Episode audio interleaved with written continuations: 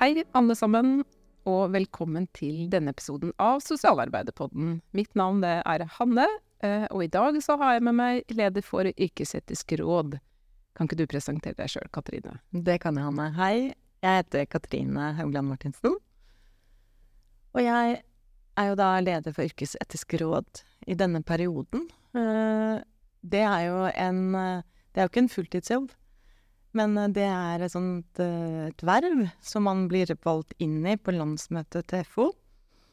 Og til vanlig så Eller det jeg gjør mm, aller mest, det er at jeg jobber i Kirkens Bymisjon. Mm. Jeg er sosionom. Og eh, i forrige episode av Sosialarbeiderpodden så fikk vi høre mer om yrkesetisk råd, hvem dere er, hva dere gjør, og vi snakket også en god del om yrkesetisk grunnlagsdokument, som er liksom smykken i eh, FOs, eh, skal vi si, eh, organisasjon. Det er, vi er veldig stolte av vårt grunnlagsdokument, som gjelder for alle barnevernspedagoger, sosionomer, vernepleiere og velferdsytere, helt uavhengig av om de er medlemmer av FO eller ikke. Mm. Så um, da vil jeg anbefale dere som lytter, hvis dere ikke har lytta til denne episoden, så bør dere gjøre det også. Men i dag så hadde vi tenkt å liksom bare grave oss litt inn i eh, grunnlagsdokumentet. Fordi eh, sånn som vi snakka om eh, sist vi møttes, Katrine, så her står det jo veldig mye fornuftig. Eh, mener vi sjøl, da, i hvert fall. Kan ikke du bare sånn raskt dra oss igjennom hva, hva er det egentlig yrkesetisk grunnlagsdokument handler om? Hva er liksom strukturen i det dokumentet? Grunnlagsdokumentet, det handler jo om Altså ved å Der kan vi lese liksom de verdiene som vi er forplikta på. Det er jo sånn at det er noen uh, verdier som som uh, Uavhengig av eh, hvor vi jobber, eller hvilken profesjon vi har, om vi er medlem av FO eller ikke, så er det verdier som vi er forplikta på. Og så i det dokumentet så er det også står det også noen yrkesetiske utfordringer som vi møter i arbeidet vårt. eh, Som er også sånn felles type utfordringer som vi kan møte på.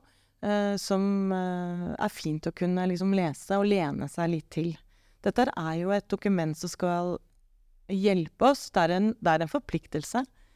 Men det er også en hjelp til å liksom guide oss i hvordan er det vi skal håndtere det å være em, yrkesutøver med våre profesjoner ute i feltene. Mm. Så det man kan gjøre er eh, Man kan jo lese litt sånn, bla litt i det yrkesetiske grunnlagsdokumentet fra tid til annen. Det er alltid nyttig å, å slå litt blikk ned på det. Men man kan også bruke det helt sånn konkret hvis man står oppi eh, dilemmaer eller, eh, eller problemer på arbeidsplassen eller i møte med, med brukere, pasienter eller pårørende, så man tenker her, nå veit jeg rett og slett ikke helt hva jeg skal gjøre. Lurer på om jeg kan finne noen, noen råd og anvisninger i grunnlagsdokumentet. Ja, det, det føler jeg deg veldig på, Anna. Jeg tenker at det med Dette er jo ikke et em, Det er jo ikke yrkesetiske regler. Det er ikke sånn at vi kan slå opp her og så vite liksom Å ja, da skal jeg gjøre dette i denne situasjonen. Eh, eller jeg skal ikke gjøre det.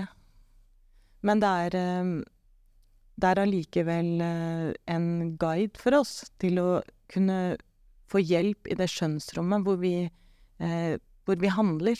Mm. Til å vite liksom hva vi skal gjøre, og hva er det som Å se de dilemmaene eh, vi står overfor. Og så eh, tror jeg det er sånn at eh, i de situasjonene vi møter, og i den praksisen vi er i, så er det jo Er vi også avhengig til å kunne eh, øve oss opp til å se Se både oss selv og se den andre, eller se den konteksten vi står i, og ha det blikket, den etiske blikket på det. Fordi at vi blir ofte opptatt av liksom ja, ikke sant, faget, absolutt, og politikken, eh, men også etikken er en liksom viktig, avgjørende del av, av vårt arbeid, som ikke vi kan hoppe bukk over. Vi snakka om det litt i den forrige gangen vi møttes, det med at det her er jo også en muskel som vi må øve opp. Det å ha den liksom etiske bevisstheten, og, og kunne vite liksom hva som vi skal gjøre her eller ikke gjøre. Og da er grunnlagsdokumentet vårt det vi kan lene oss til. Mm. Og jeg har jo lest det veldig, veldig mange ganger. Det vet jeg veldig, veldig mange har gjort. Gjerne når vi går på studiet, så blir jo dette brukt mye. Og så blir det kanskje ikke så aktivt brukt når vi kommer ut og har jobba og fått lang erfaring. Men hver gang jeg leser det, så tenker jeg at det er så gode formuleringer. Det er så fint.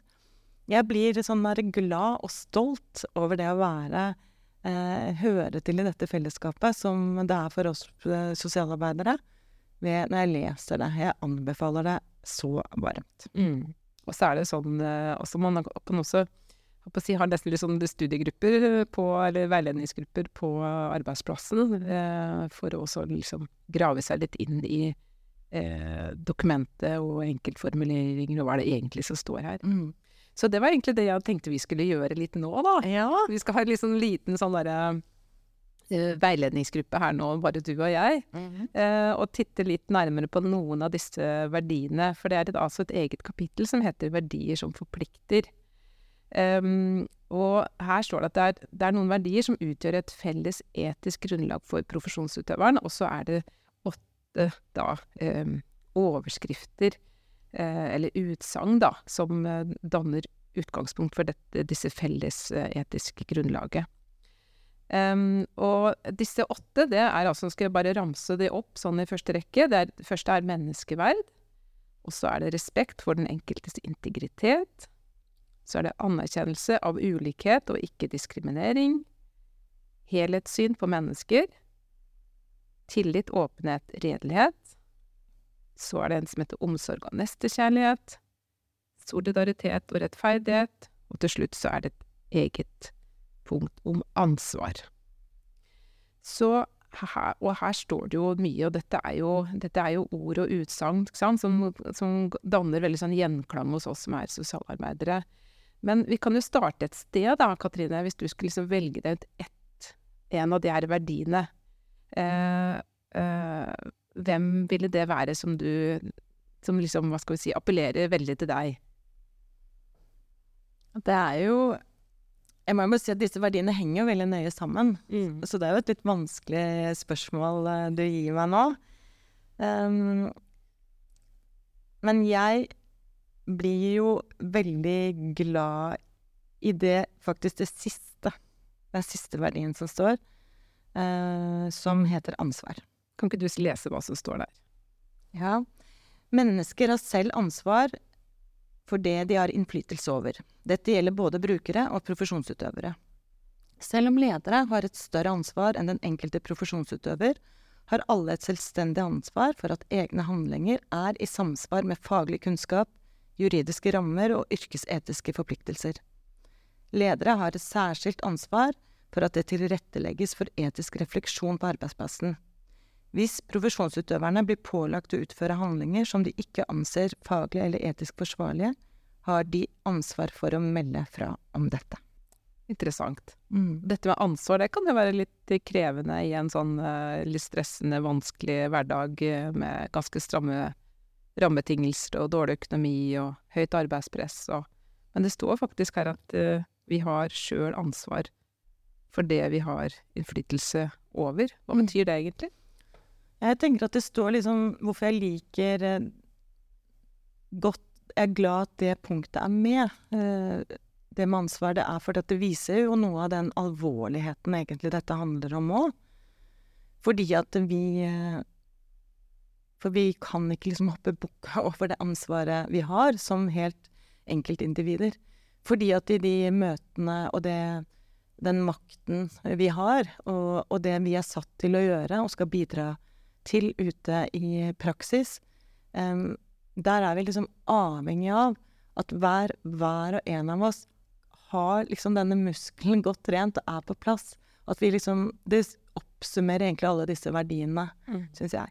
Og så syns jeg det som er fint med det, er at man særlig løfter fram led leders ansvar. Mm. Og det tenker jeg noen ganger at vi kanskje eh, glemmer litt.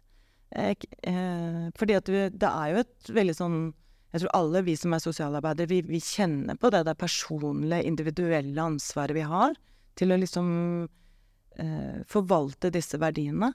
og opptre i tråd med de. Og så kan vi også kjenne på det du sier, ikke sant, at det er at det er krevende i veldig mange situasjoner. Fordi at vi står der, ikke sant, i det derre eh, spenningsfeltet mellom hjelp og kontroll. Men nettopp det at det blir så tydelig her at eh, leders ansvar til å legge til rette for eh, den etiske refleksjonen, og at man har det som liksom tema konkret på arbeidsplasser, det syns jeg er så fint. Og jeg tror det er det som er det avgjørende, at at det der vanskelige med det personlige ansvaret kan bli litt sånn løfta fram, og liksom bli det liksom kollektive eh, ansvaret vi har sammen som sosialarbeidere. Mm. Um, og så, ja. Ja, og så kom jeg også på det, for det står altså her at, eh, at uh, hvis du blir pålagt å utføre handlinger som du ikke anser som faglig eller etisk forsvarlig, så har du ansvar for å melde fra om dette. Og det er også en ganske sånn Kan også oppleves som et litt sånn tungt ansvar. Og det er jo Dette med varsling er jo er jo spesielt behandla også yrkesetisk grunnlagsdokument. Det, det, er ikke bare bare å være den som sier ifra om at vet du hva, det vi gjør nå, det, det holder ikke mål. Eh, sånn kan vi faktisk ikke gjøre det. Nei.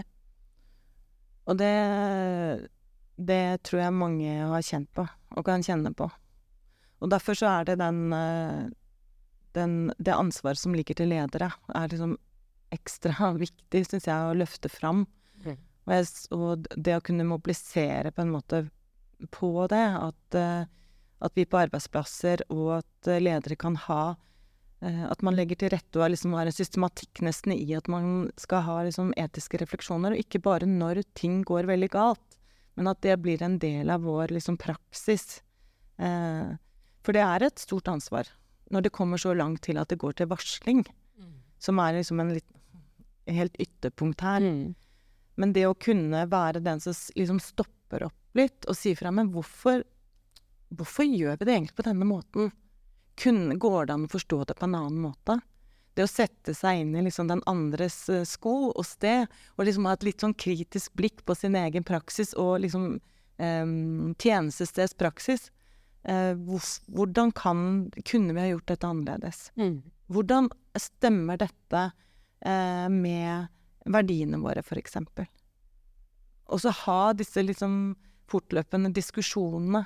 Eh, og, og, jeg har jo blitt inspirert av å se litt hvordan man gjør en del f.eks. på sykehjem, eller andre felt som vi kanskje ikke jobber så mye Der hvor de har eh, mye sterk, liksom, krav og systematikk til at etisk refleksjon det er en del av eh, møtene man har, og som også skal dokumenteres. Og det gjør at eh, tror jeg, at vi kan hjelpe oss liksom Vi trenger litt også den systematikken til å uh, få til dette. For det er jo krevende. Mm. For ingen, alle, alle, vil jo si Jeg tror ingen av oss vil si at vi er uenige i disse verdiene. Dette er fine, gode, flotte verdier som vi alle kan liksom hegne om. Men det er jo i møte med praksisen i møte med liksom hvor det kommer andre hensyn, mm. hvor vi blir pressa, hvor vi er slitne, hvor det er, er krevende saker og krevende situasjoner, um, da er det Det står på spill. Mm. Definitivt. Hva tenker du da, Anna? Hvilke verdier er det du eh, Nei, det er, det er jo vanskelig å velge, men jeg er veldig glad i den første, egentlig, som handler om menneskeverd. Og der står det at uh, alle mennesker har samme grunnleggende verdi og rett til livets goder. Profesjonsutøveren skal forsvare den enkeltes rett til liv og helse, bekjempe bruk av vold og tvang, og arbeide for at brukerne skal få så gode levekår og så god livskvalitet som mulig. Mm. Og jeg tenker at det på mange måter oppsummerer litt òg med hva skal vi si, oppdraget vi har i sosialt arbeid, da, ikke sant? Dette med å sørge for at folk kan leve så gode, frie liv som mulig, ut fra sine forutsetninger og behov. Eh, så det oppsummerer på mange måter liksom det, si, det faglige ståstedet da, som, som vi har. Mm. Eh, også litt den litt sånn aksjonistiske tilnærminga kanskje til sosialt arbeid. For en ting er at du har menneskeverd, hver og en av oss har et grunnleggende menneskeverd. Vi er ikke bare hva skal vi si, vi har ikke bare en instrumentell verdi, det er ikke bare at vi skal bidra til verdiskapning i samfunnet, holdt jeg på å si, og betale skatt, men vi, har, vi er faktisk verdifulle mennesker helt uavhengig av håper å si, hvor produktive vi er, eller hvor snille vi er, eller hvor hyggelige vi er, eller Mm. ja, hvor, eh, Mm. og og hvilken status vi har i samfunnet. Så det er en veldig sånn fin sånn der, reminder, altså, når du møter folk eh, av, på ulike sosiale klasser og ulike nivå, og, og en veldig sånn fin verdi også å forfekte inn i det politiske arbeidet som vi holder på med, som en sånn viktig, viktig rettesnor. Mm. Hvordan er det denne politikken slår ut for de mest utsatte i samfunnet, for eksempel? Mm. man alltid har den liksom tanken eh, med seg, da. Eh, Så, så dette syns jeg er en sånn fin rettesnor, både i forhold til liksom det individuelle arbeidet man gjør inn mot enkeltmennesker og grupper, men også i den litt mer sånn det sosiale arbeidet som vi også gjør på systemnivå, eller inn i det politiske, da. Og dette med å fremme menneskeverd. Jeg syns en forlengelse av det, så den verdien som jeg også syns er veldig fin, og som det er sånn gode formuleringer i dette dokumentet, det er jo den verdien av solidaritet og rettferdighet. Og det er en fin forlengelse av det du sier, syns jeg. Og jeg syns at det som jeg liker ekstra godt der, er at det står så tydelig det at eh, vi mennesker er gjensidig avhengig av hverandre. Kan ikke du lese hele? Ja, Den er så fin. den er veldig fin. Den heter jo da solidaritet og rettferdighet. Ut fra erkjennelsen av at mennesker er gjensidig avhengig av hverandre, skal profesjonsutøveren fremme solidaritet mellom individer og grupper. En rettferdig fordeling av samfunnets ressurser er et viktig mål i helse- og sosialfaglig arbeid.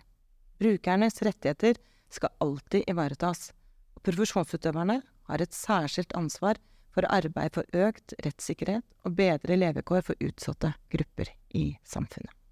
Mm. Den er ganske sånn tydelig på at hvis du har flere måte, hensyn som står opp mot hverandre, så er det ett hensyn som skal å si, gå foran de andre, og det er hensynet til de mest utsatte. Og det er jo krevende. Ja, det er det. Det kan være krevende. Ja. Og det står det noe mer om i, i dette dokumentet vårt, er den der lojaliteten, ikke sant? Og hvilken hensyn vi, vi må ta.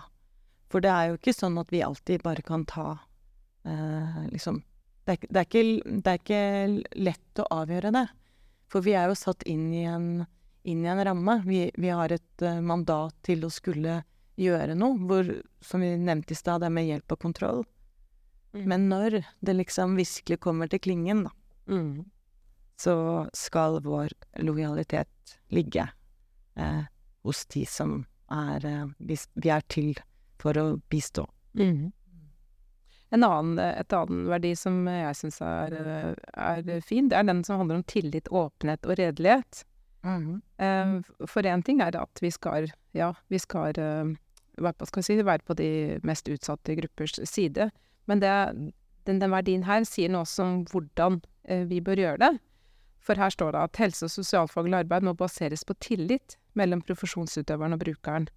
Profesjonsutøveren kan bidra til at tillit oppstår gjennom åpen kommunikasjon, forståelig informasjon, tydelige begrunnelser og ivaretagelse av konfidensialitet. Så den her gir jo litt sånne knagger i forhold til hvordan skal man sikre de, den rettssikkerheten og ivaretagelse av utsatte grupper, da, sant, som du også var inne på, Mm. Katrine. Det handler jo om hvordan man opptrer, at man har en tillitsfull relasjon, at man er, ikke har noen skjulte agendaer, at man er redelig i måten man jobber på, da. Det der er jo den, kanskje den verdien som er vanskeligst, på en måte. Fordi at det er jo hvordan den andre opplever oss og eh, tjenestestedet, eller det vi representerer, det Det er ikke alltid sånn som vi eh, Det er ikke alltid sånn som denne verdien sier. Ikke sant? Og det er vel noe av det vi erfarer i Yrkesetisk råd.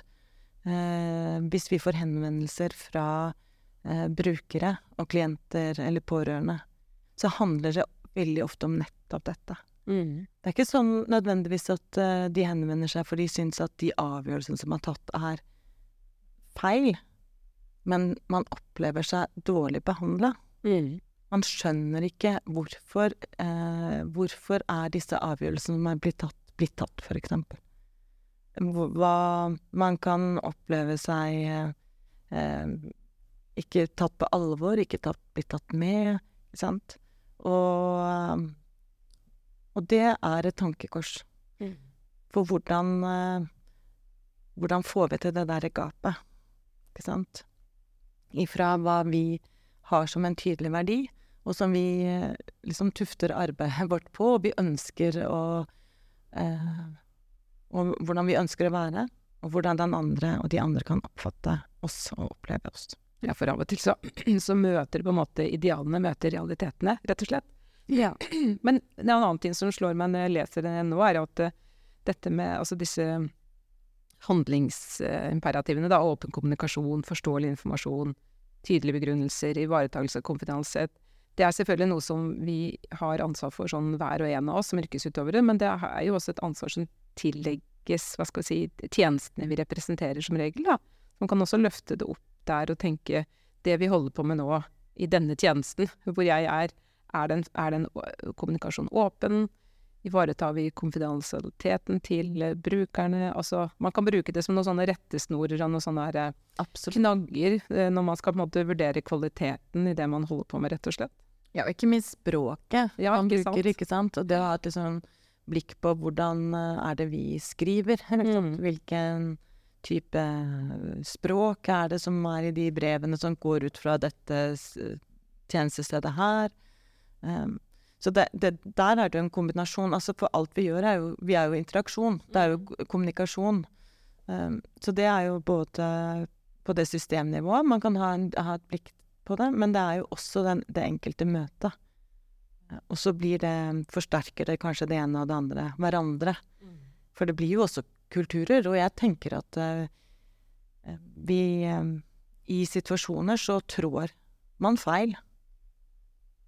Og det å kunne ha de samtalene rundt det Man trår feil som tjenestested, man trår feil som enkeltindivid, som Mm. sosialarbeider. Det er menneskelig. Det er helt menneskelig. Og i alle de situasjonene vi er i. Men det å kunne se når man gjør det, det bare det er, det er veldig viktig. At man kan liksom kjenne på det. Liksom, ah, dette, dette ble ugreit. Dette er ikke greit. Og så gjøre noe med det. Mm. Mm. Det å kunne eh, si unnskyld. Ja, det satt akkurat og tenkte på det sånn. Innrømme at man har gjort feil. Innrømme at man har gjort feil. Det er eh, Det tror jeg er veldig Det leger mye, da. Mm. Og det er viktig for oss selv. Uh, og for de vi skal hjelpe. Mm. Og det bidrar i det lange løp også til å etablere, både etablere tillit Mm. og opprettholde tillit. Til, både til systemer og til eh, mennesker som jobber i systemene. Mm. Tusen takk for en veldig god samtale, Katrine. Du og jeg, vi kunne antagelig sitte her og drodle rundt eh, disse, disse verdiene vel og lenge. Men jeg håper i hvert fall at det her har vært til inspirasjon eh, for dere som lytter på.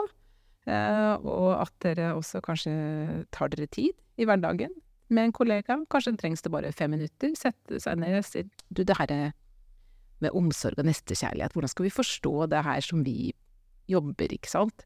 Mm. Eh, at man tar av og til en sånn pust i bakken og tar med seg kaffekoppen og setter seg med grunnlagsdokumentet. Det er liksom Det er vår våt det, da. det er vår drøm. ja, men jeg tror veldig mange vil bli veldig glad og stolt. Og kjenne på det hvorfor, gikk, hvorfor ble vi sosialarbeidere, når vi henter fram dette. Ja. Mm. Så det er i hvert fall vår eh, oppfordring til alle dere som eh, lytter. Eh, og er det noen av dere som lytter som ikke er sosialarbeidere, så har dere også fått litt noe innsikt i hva som er vårt faglige etiske grunnlag for den jobben som vi gjør.